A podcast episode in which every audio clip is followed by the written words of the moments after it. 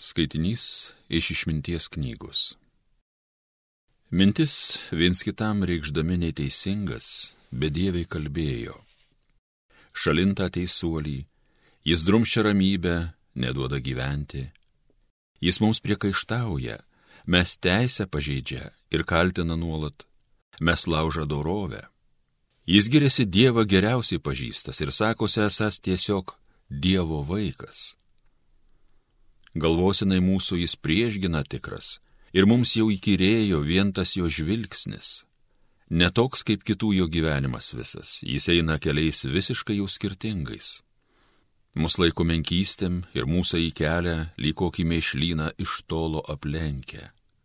Jis teigia, teisuolis pabaigsis laimingai ir giriasi paisto, kad Dievas jo tėvas.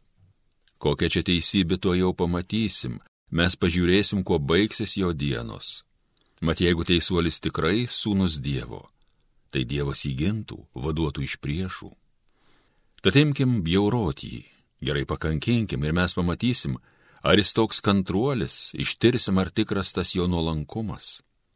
Mirtim negarbinga pasmerkim jį žūti, juk sakęs yra, jis sulauksęs pagalbos. Jie šitaip galvoja, tačiau apsirinka, nes jų sugėdimas aklus juos padaro.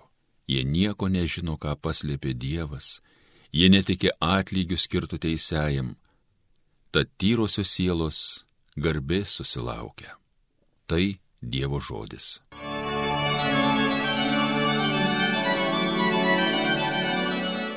Artimas viešpats sugrūdusiai širdžiai. Nuo piktavalių nusigręš viešpaties veidas, ir nieks nebeminės žemė jų vardo. Šaukės teisėjai, juos viešpats išgirsta, iš visų nelaimių juos gelbė. Artimas viešpats sugrūdusiai širdžiai. Artimas viešpats sugrūdusiai širdžiai, išvargintas sielas pagydo, daugel bėdų ištinka teisuolį, bet išvaduoja jį viešpats.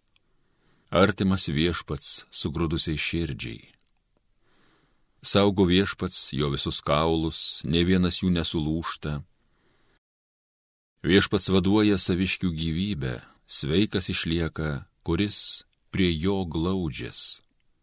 Artimas viešpats sugrūdusiai širdžiai. Garbėtau Kristau, amžinasi žodį. Žmogus gyvas ne vien duona, bet ir kiekvienu žodžiu, kuris išeina iš Dievo lūpų. Garbėtau Kristau amžinasi žodį. Iš Ventosios Evangelijos pagal Joną. Jėzus vaikščiojo po Galilėją, jis nenorėjo eiti į Judėjon, nes žydai tykojo nužudyti. Artėjo žydų palapinių šventė, kai jo broliai iškeliavo į šventę. Tuomet ir jis išėjo, bet ne viešai, o tarsi slapčiomis. Kai kurie Jeruzalės gyventojai klausinėjo, ar tik ne šitą nori nužudyti. Štai jis viešai kalba ir niekas jam nieko nesako. Gal vyresnybė įsitikino, jog jis mesijas. Tačiau mes žinome, iš kur jis kilęs. O kai ateis mesijas, niekas nežinos, iš kur jis. Tuomet Jėzus, mokydamas šventykloje, garsiai šaukė. Iš ties jūs mane pažįstate ir žinote, iš kur aš kilęs.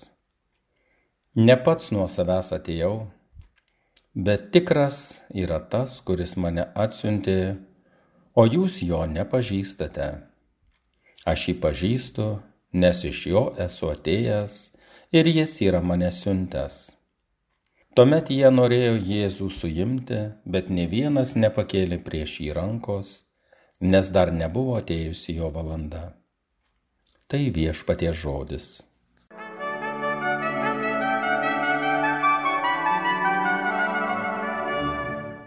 Kai mokiausi seminarijoje, atrodė, kad labai daug dalykų mus išmokė. Teologinių studijų dalykai tame laikotarpyje buvo naujiena, nes tos žinios nebuvo prieinamos plačiai visuomeniai. Ir vis tik pradėjęs kunigo tarnystę pajutau, kad tų žinių nepakanka. Visos mokymo institucijos išduoda baigimo dokumentą. tai yra tam tikros rūšies diplomą.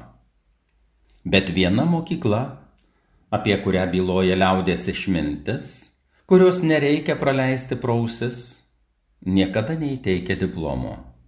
Tai gyvenimo mokykla. Ji kiekvieną dieną pateikia vis naujus egzaminus. Ir kol visi egzaminai neišlaikyti, suprantama, diplomo nebus. Taip pat atėjo suvokimas, kad visko, ko prireiks gyvenime, neįmanoma išmokti nei mokykloje, nei seminarijoje. Manau, toks pat supratimas ištinka bet kokios srities specialistą. Darbas reikalauja nuolatinio tobulėjimo. Įdomu tai, kad tikėjimo srityje vien žinių nepakanka, kad ir kiek besitobulintum. Žinios žmogų išmoko, kaip turime elgtis tam tikrose situacijose. Ar tai būtų etiketas prie stalo, ar liturgijos išmanimas. Žinodami, kaip elgtis liturgijoje ir tai darydami, mes tampame religingais žmonėmis. Kokį matau skirtumą tarp tikinčiojo ir religingo žmogaus? Religingas žmogus, žinantis taisyklės, pirmiausia jas taiko kitiems, tarsi pagilindamas savo turimą žinias. O tikintis rūpinasi ne kaip kiti elgesi, bet stengiasi pats patikti Dievui. Keiščiausia, kad viešpati Jėzų nukryžiavo, tai yra reikalavo nukryžiuoti būtent religingi žmonės. Taigi nepakanka būti religingu žmogumi, reikia būti dar ir tikinčiu. Liūdnoji pusė tai, kad didžioji dalis dabartinių žmonių besilankančių bažnyčioje iš vis nemoka ir nežino, kaip elgtis joje. Tai yra nežino net kaip būti religingu Tai kur čia mums kalbėti apie tai, kaip reikia būti tikinčiu? Nesunku suprasti, kad nemokančiam skaityti žmogui, bet kokio turinio knygos neteikia jokios informacijos.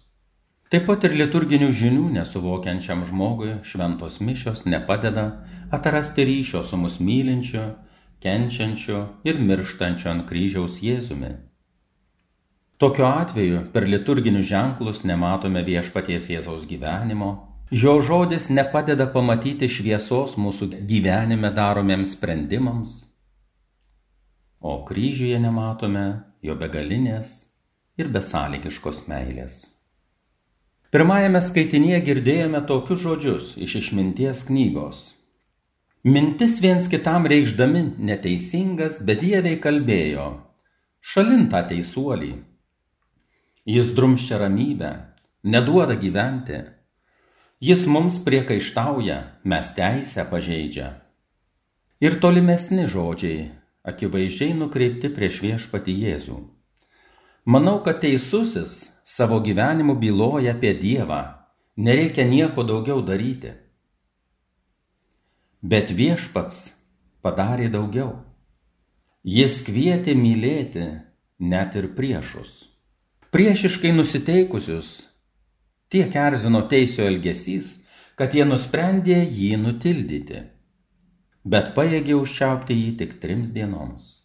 Trečią dieną viešpats Jėzus prisikėlė ir jau prisikėlusio Jėzaus esame kviečiami praregėti ir būti tikintys. Amen.